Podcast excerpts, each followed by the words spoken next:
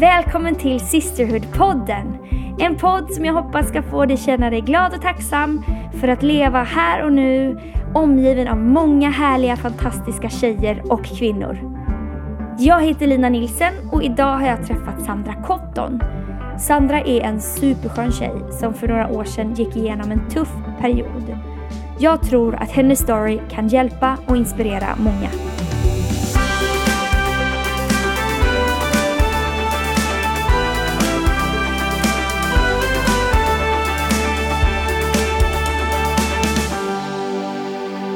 Jag sitter här idag tillsammans med Sandra Cotton och jag älskar att vara hemma hos folk. För i Stockholm så träffas vi mycket på kaféer och restauranger och sådär. Men när man kommer hem till någon då blir det så personligt. Eh, och jag vet att du sa att det är ett work in progress, Sandra. Men tack för att jag får vara här hos dig idag. Ja, superkul att du kunde komma. Ni är ganska nyinflyttade, eller hur? ja, vi flyttade till Upplands Väsby i december. Så det, ja, det är väldigt nytt här, så det är kul. Grymt! Okej, okay, innan eh, vi eh, ska prata lite om din story och sådär så tänkte jag fråga sju frågor mellan himmel och jord. Får du se vad du säger eh, om det. Är du med? Jag är med. Var tog du ditt första andetag? I Köping. I en annan del av ja, Köping? i en annan del av Köping. Härligt! Det är så kul för det är så få stockholmare som är från Stockholm. Jag vet. Okej, okay, vad åt du till frukost idag? Jag hade faktiskt jättelyxig frukost. Eh, vi gjorde lite våfflor och eh, bacon och eh, scrambled eggs. Åh, oh, lyxfrukost. Ja. Instagram-frukost. Mm, precis, en sån. um, läser du något just nu? Och i så fall vad? Hinner du läsa? Ja, men faktiskt. Nu efter Harrison har blivit sex månader så känner jag att jag får lite mer tid. Så nu har jag börjat läsa eh, Shack igen. Oh, wow. Har du läst den? Ja, The Shack. Ja. Den är fantastisk. Ja, och den kommer faktiskt på bio i år. Så då tänkte jag att nu måste jag fräscha upp här och läsa boken oh. innan jag får se filmen. Oh, mm. Jag tycker den är helt fantastisk. Jag ska också göra det. Och jag ser fram emot filmen. Mm. Bra. Um, om du måste välja, pottfrisyr eller hockeyfrilla? Eh, hockeyfrilla. Pest eller kolera? Vad får dig att skratta? Eh, att umgås med vänner och familj. Det är mm. roligt. Mm. Ja. Vad är du bra på? Jag är bra på att ge andra komplimanger. Det håller jag med om. Verkligen. Eh, vad, har du något favoritbibelord? Och i så fall vilket? Eh, ja, Efesierbrevet eh, 3 och eh, 20. Eh, nu brukar jag alltid läsa på engelska. Ja, jag vet. Man kör, det, jag tycker det är jättesvårt när jag ska citera någonting för man läser så många olika vet, översättningar. Så, ja. så man, det blir någon, någon sammanslagning. Ja, och så men, man tvåspråkig hemma. Så att, uh, men now unto him who is able to do exceedingly abundantly above and beyond all you can ever ask and dream of. Ja. Så fantastiskt. Ah. Vilket löfte. Mycket bra. Okej, sen har vi den sjunde frågan som blir den sista precis nu. Som vi kallar för dilemmat. Så om du måste välja, aldrig mer duscha eller aldrig mer borsta tänderna? Eh, aldrig mer eh, duscha. Verkligen så. Jag vet, den kanske var hemsk. Sorry. Sandra luktar väldigt gott. Eh, och känns väldigt fräsch. Så, det var de första sju frågorna. Kändes det bra? Ja, nu känns det bra. Jag har ju känt dig ett tag och jag följer dig på Instagram. Mm. Och när jag eh, tänker på dig så tänker jag på en person som har otroligt bra värderingar. Och du är så här, jag skulle säga att du är the Insta quote professional. Alltså du skriver så bra saker, så uppmuntrande saker. Som att det kommer från en trygg insida och någon, en bra plats. Mm. Har du alltid varit väldigt trygg i dig själv? Um, vilken bra fråga. jo, men jag har nog känt mig ganska trygg så. Um, har, uh, har alltid haft liksom, ja men haft goda värderingar när jag växte upp har jag känt kommit hemifrån ändå. Mm. Eh, och haft eh, ja, men många bra vänner runt omkring mig eh, som har peppat och liksom fått mig att eh, ja, men bli ett bättre mig själv. Och sen när man blir äldre så inser man ju också att man har möjlighet att, att ge till andra också. Så jag försöker verkligen tänka på det. Till exempel i sociala medier, framförallt min Instagram, att det är ju en plattform Mm. där man faktiskt kan göra skillnad. Och eh, om jag kan göra en liten skillnad för någon bara genom att lägga upp Instagram så är ju det jättekul. Jag tycker du gör det så bra. Du uppmuntrar mig när jag läser det. När, jag, när man scrollar förbi så stannar man upp där. Jag tycker det är grymt. Men jag vet att eh, för några år sedan så gick du igenom någonting som eh, du som var lite tufft. Kan du berätta om det? Ja, det stämmer. Det här var eh, 2013, hösten 2013. Då jobbade jag mitt andra år som lärare på en högstadieskola. Och eh, en fantastisk, ett fantastiskt jobb. Jag har alltid drömt om att bli lärare, tycker det är jättekul att jobba med människor och ungdomar. Och, ja, eh, efter sitt andra år så är man ju verkligen liksom på gång och det är kul och man har lärt sig mer och liksom, man går framåt som lärare. så. Eh, Jag jobbade på en skola eh, för ungdomar med speciellt stöd. Ungdomar som har någon typ av ADHD, ADD, eh, eh autismspektrum eh, men högfungerande så de läste mot vanliga betyg men det var lite mindre klasser. Ehm, ja, jag jobbade på som vanligt, har alltid varit högpresterande. Ja, jag har väl kanske lidit lite av det här duktig flicka-komplex. Eh, har alltid velat liksom göra bättre, göra mer, aldrig riktigt nöjd kanske. Och det jag gör, gör jag till 100 procent. Och under det här andra året så drog Stockholms stad in stödet, 25 procent eh, av pengarna till de här ungdomarna. Eh, vilket gjorde att den skolan som jag jobbar på som bara var för den här typen av ungdomar fick det ganska tufft. Eh, och det gjorde att eh, de var tvungna att dra in lite på vikarier. Så vi fick hoppa in mycket för varandra. Eh, blev långa dagar och man började gå lite på knäna. Och eh, jag kommer ihåg att det var ett höstlov här eh, 2013 och jag blev sjuk på måndagen. Vi skulle in och jobba men jag tänkte så ah, men det här är bara mina egna uppgifter så att det spelar ingen roll, jag kan vara sjuk och hemma idag. Eh, gick in på ett möte på tisdagen, på onsdagen blev jag sjuk igen. Och jag fick panik för att jag hade så mycket att göra för det var höstlov och då skulle man jobba i kapp. Ehm, så jag går till läkaren på torsdagen och frågar om jag kan få ett piller eller någonting för att jag är sjuk hela tiden. Och jag förstår inte varför. Jag behöver jobba, jag behöver tillbaka till mina elever och liksom, ja, det är höstlov så jag behöver jobba i kapp. Och hon, eh, läkaren frågar mig, eh, hur mår du Sandra? Eh, Och jag känner att hon inte riktigt hör mig alls. Så jag behöver ju någonting så att jag blir frisk. Inte, ja, det, det spelar väl ingen roll hur jag mår utan här är det bara att köra på liksom. Och sen eh, upprepar hon frågan en gång till. Hur mår du Sandra?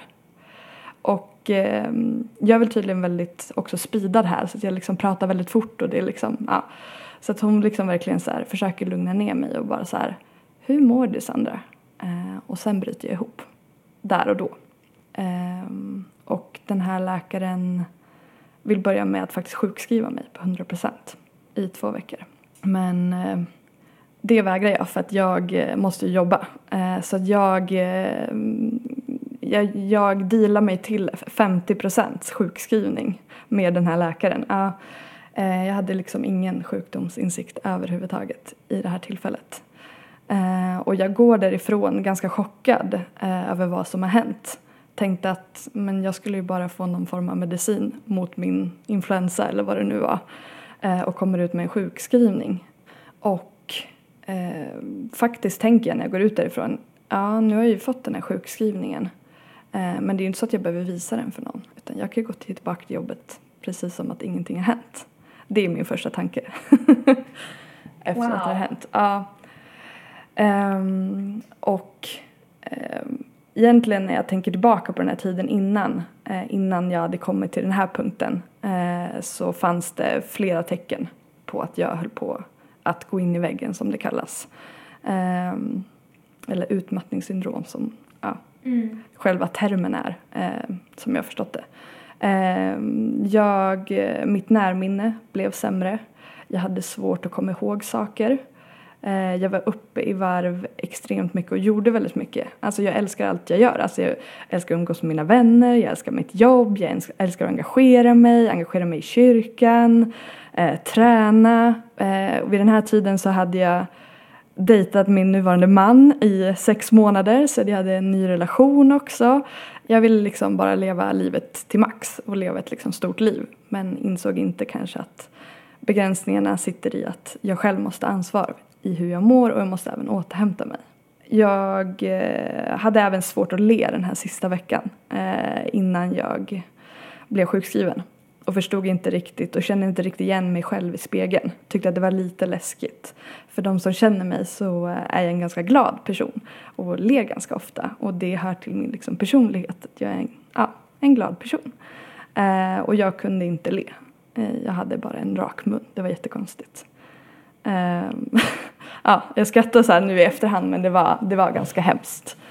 Så vad gjorde du med den här sjukskrivningen då? Sjukskrev du dig eh, och hur länge? Ja, så här var det ju. Jag, jag sjukskrev mig faktiskt på 50 procent. Eh, så den där torsdagen när jag fått den där sjukskrivningen så gick jag hem på mitt rum. Jag bodde i Bromma då, eh, där jag även jobbade. Och faktiskt gjorde ett schema Eh, för min egen sjukskrivning. Hur det skulle fungera bäst på jobbet. Inte hur det skulle fungera bäst för Sandra. Så att jag gjorde ett schema som jag visste skulle fungera bäst på jobbet även om jag var bort, borta 50 procent. Så på något sätt skulle det ändå vara bra på jobbet. Eh, så det kom jag till min chef med dagen efter. Och det var jättejobbigt att erkänna eh, för, min, för mig själv, för min chef att så här ser det ut och jag kommer behöva bli sjukskriven. Det inte var en duktig flicka gör, trodde jag. ja. Hur reagerade din chef då?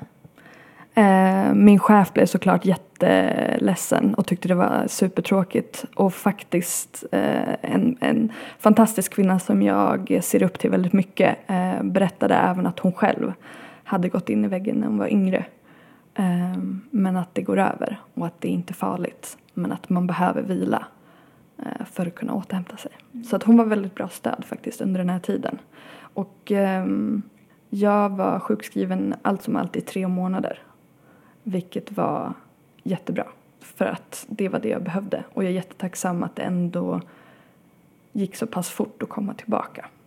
När du var där och när du pratade med din chef, var det botten eller blev det sämre Eh, där eller började det gå uppåt på en gång? Mm. Jättebra fråga. Eh, efter att jag hade erkänt för min chef och för ja, men min närmsta familj och min pojkvän och mina närmsta vänner så var jag tvungen att erkänna för mig själv. För oftast kanske man inte har sjukdomsinsyn eftersom man då går in i väggen och inte lyssnar på kroppen innan. Eh, så faktiskt veckan efter eh, min första det här var på tisdag, min första sjukskrivna dag, så tänkte jag så här, men just det, träning, jag älskar ju att träna. Träning är ju jättebra för att man ska bli frisk och må bättre. Så jag bokade in mig på ett spinning intensivpass. Eh, kanske det sämsta beslut jag gjort under min sjukskrivning.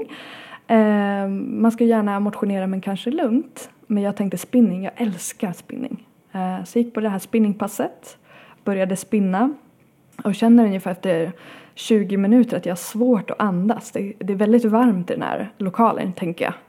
Undrar om det är fler som har svårt att andas. Eh, min puls är väldigt hög eh, redan innan jag ens har börjat träna och eh, jag, jag tänker att om inte jag eh, kliver av den här cykeln så kommer jag svimma och alltså ramla av cykeln. Men man avslutar ju alltid ett pass så att jag kan ju inte kliva av cykeln och avsluta pass. Alltså det var så mycket grejer. Eh, men jag inser att efter 30 minuter att om inte jag går av då kommer cykeln ta av mig av cykeln. Ah, så. Tramporna kommer liksom bara fortsätta och jag kommer ligga på golvet. Eh, och det är inte så himla trevligt. Så jag gick av och avslutade passet en halvtimme i förtid. Gick ner i duschen och får en panikångestattack i duschen. Eh, och inser att jag mår nog kanske inte så bra ändå. Så det var nog min low point. Det var tufft.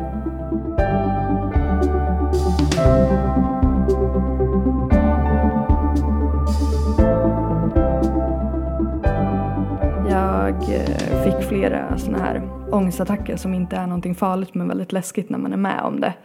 Ehm, jag eh, blev ljud och ljuskänslig, eh, hade jättesvårt att åka tunnelbana Eh, aldrig haft tidigare. Eh, var tvungen att spela in en Spotify-lista med lugna låtar som jag var tvungen i hela tiden för att kunna åka in till stan. Hade svårt för eh, stora folksamlingar. Hade till och med svårt att eh, gå till tvättstugan eh, och tvätta mina kläder. Så att eh, det var liksom inte jag som styrde min kropp eller mitt sinne eller mina känslor utan det kändes som att det var liksom, jag fick bara hänga på eh, och försöka göra det bästa av situationen och försöka vila. Ehm, kunde du gå till kyrkan? Ja, jag gick till kyrkan men det var jättetufft. Um, jag för mig att jag till och med hade med öronproppar för att liksom härda ut, eller vad man ska säga. Ja. För att kyrkan är ju dit man alltid vänder sig hur man än mår. Men eh, när man blir ljudkänslig eh, och går på ett kvällsmöte och van att kunna vara med i lovsången och liksom så. Men jag, jag fick sitta liksom, ja men långt bak och sitta ner på ett helt möte liksom. Men jag gick dit. Men jag kanske inte fick ut lika mycket som jag brukar liksom. Eller kunde ge särskilt mycket heller. Mm. Berättade du för folk i kyrkan om vad du gick igenom? Ville du göra det? Eller ville du inte att folk skulle veta? Uh, jag berättade för min egen connect-grupp som jag ledde och sen den connect-gruppen som var med uh, i själv uh, berättade jag för. Men det var svårt att just när man är i det berätta så. Man vet inte riktigt hur man ska komma eller få det på tal sådär med kanske bekanta och så. Men de närmsta visste. Eh, och det var, eh, de var ett fantastiskt stöd för mig. Eh, framförallt några av mina närmsta tjejkompisar som kom hem till mig och lagade mat till mig när jag inte orkade laga mat och som diskade efteråt eh, och kom med presenter. det, var, det betyder allt. Eh, för det är, ibland är det svårt när man mår väldigt dåligt att fråga om hjälp och då är det härligt att ha människor omkring sig som ser att ja men här kan vi hjälpa till lite. Mm. Det var fint.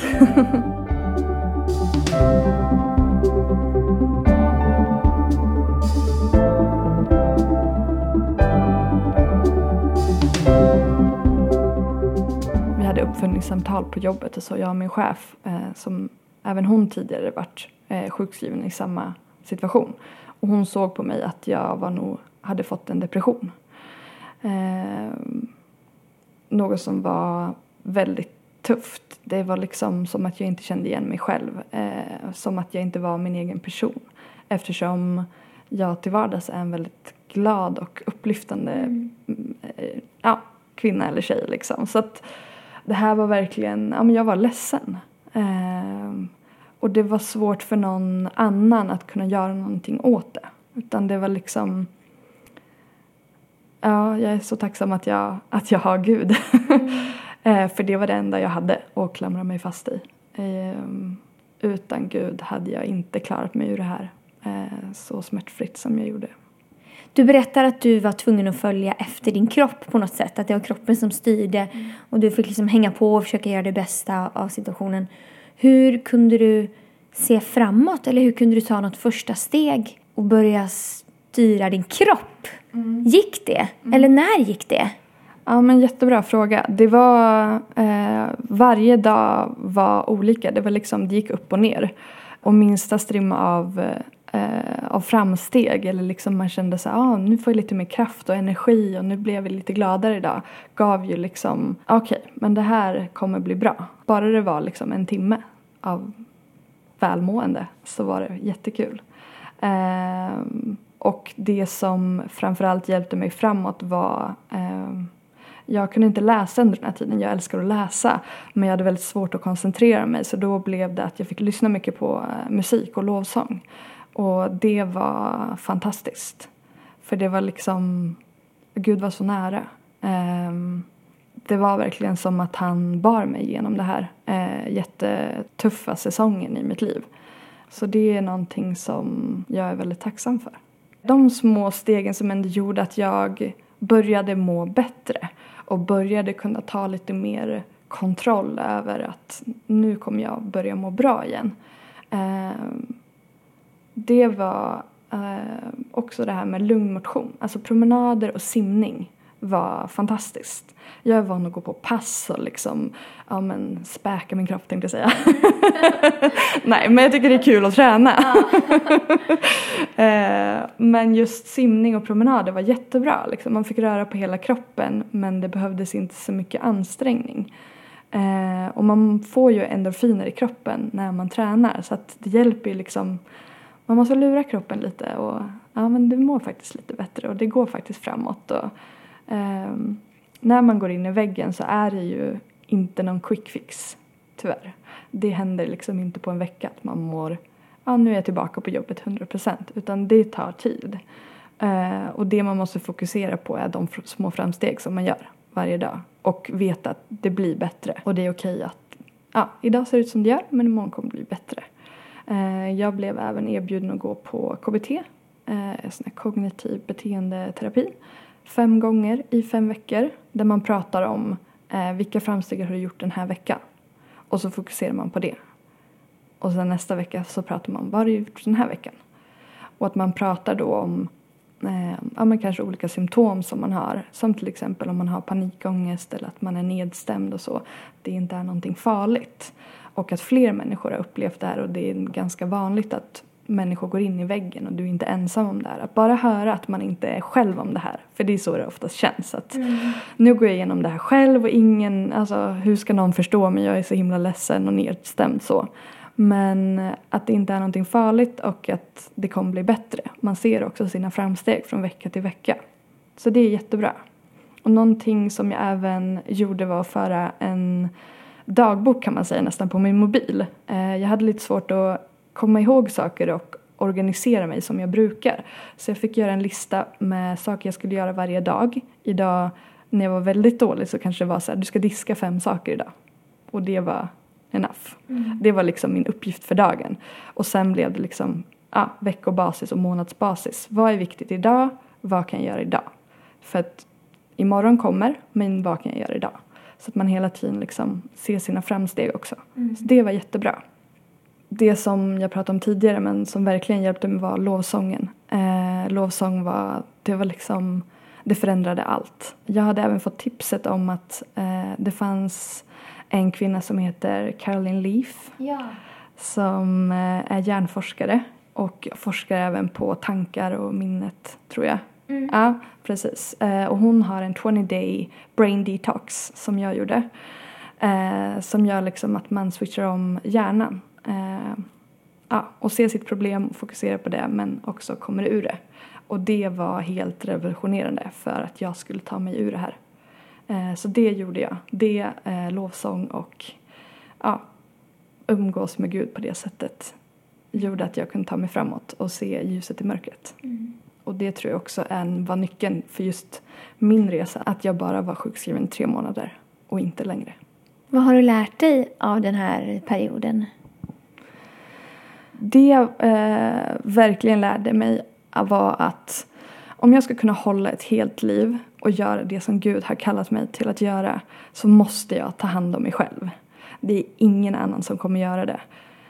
Så hur mycket jag än gör för andra eh, eller hur mycket jag än presterar på jobbet så spelar det inte någon roll om inte jag håller i längden.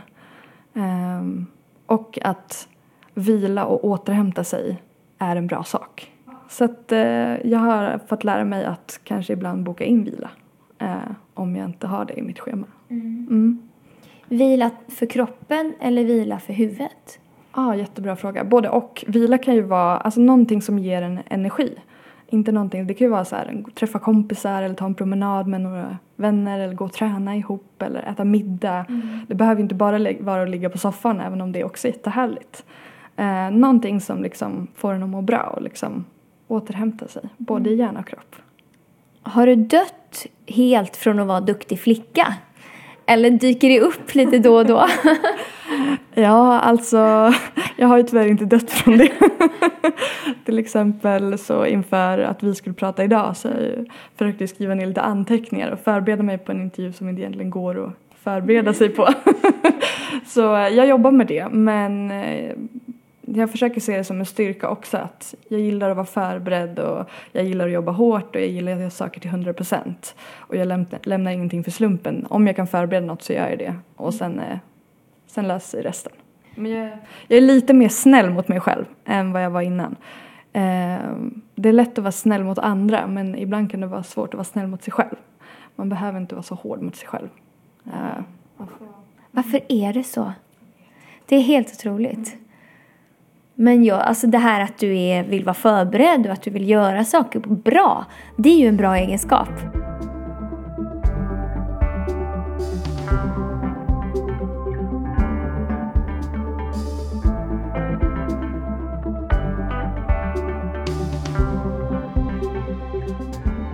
Har din syn på dig själv eller på Gud förändrats efter den här perioden? Ja, jag lärde mig att eh, lyssna på min kropp eh, mycket mer. Att inte helt ignorera eh, signaler som att om inte du kan le i spegeln så kanske inte du mår 100% heller och att man behöver lyssna till det. Eh, stress är ju någonting positivt eh, men man måste också återhämta sig för att kunna leva det liv man vill leva. Och att det är okej okay att ibland tacka nej utan en lång utläggning heller varför man inte kan komma eller så. Mm. Om vi pratar om Gud så uh, känner jag bara hur trofast Gud är uh, och att i varje säsong så är han med uh, och går bredvid en. Och det blev bara väldigt tydligt efter att jag gick in i väggen. Så det är jag väldigt tacksam för. Ehm, det är ju kanske ofta så att när man går igenom saker så är Gud väldigt mycket mer nära på det sättet för att man är i ett ehm, ja, men är i sånt desperat behov av att liksom se hopp och liv att man klamrar sig fast vid Gud vilket är fantastiskt att man kan göra. Tack för att du delar med dig av eh, en väldigt sårbar och tuff period. Vad ska du göra idag? Idag så snart kommer min man och vår lille son Harrison hem så då ska vi laga lite mat och Eh, ikväll så ska vi gå över till våra grannar, eh, familjen van Greers och käka lite middag. Så det ska bli mysigt. Fy vad Ja. Grannhäng! Ja, det är det nya här i norra. Ni bor på rätt sida om stan. Precis. om du eh, skulle ge ett råd till dig själv för tio år sedan, vad skulle du säga då? Tio år sedan, då skulle jag vara 22. Början där. Ja, Eh, jag skulle nog säga till Sandra 22 att eh, allting löser sig och eh, var lite mer snäll mot dig själv så kommer det gå bra. Ja. det var ett bra råd. Sandra pratade ju om en bok som heter The Shack och den är skriven av William P. Young om du har lust att kolla in den. Hon pratade också om Caroline Leaf och hennes 21 Day Brain Detox. Och Caroline Leaf är som sagt en forskare på hjärnan och eh, har ett program där man kan eh, ändra sina tankebanor och ändra hur det ser ut på insidan av hjärnan eh, med vetenskapens hjälp. Det är otroligt häftigt och någonting jag absolut kan rekommendera. Jag fick ut jättemycket av samtalet med Sandra och några axplock eh, är det här till exempel att hon ser Instagram och sociala medier som en plattform. Och ingenting som hon använder för att peka på sig själv utan någonting som hon använder för att uppmuntra andra människor. Och det är väldigt inspirerande. Ehm, jag eh, tycker också väldigt mycket om den här kombinationen av kunskap och mänsklig vishet. Men att hon inte sticker under stol med att det är ändå Guds, att det är Gud och hans närvaro och hans kraft som förändrade hennes situation. Ehm, och det är otroligt häftigt. Så, hur kan man bättre sluta den här veckans podd än att läsa Efesierbrevet kapitel 3 och vers 20? Now to him who is able to do exceedingly abundantly above all that we ask or think, according to the power that works in us. To him be glory in the church by Christ Jesus to all generations, forever and ever.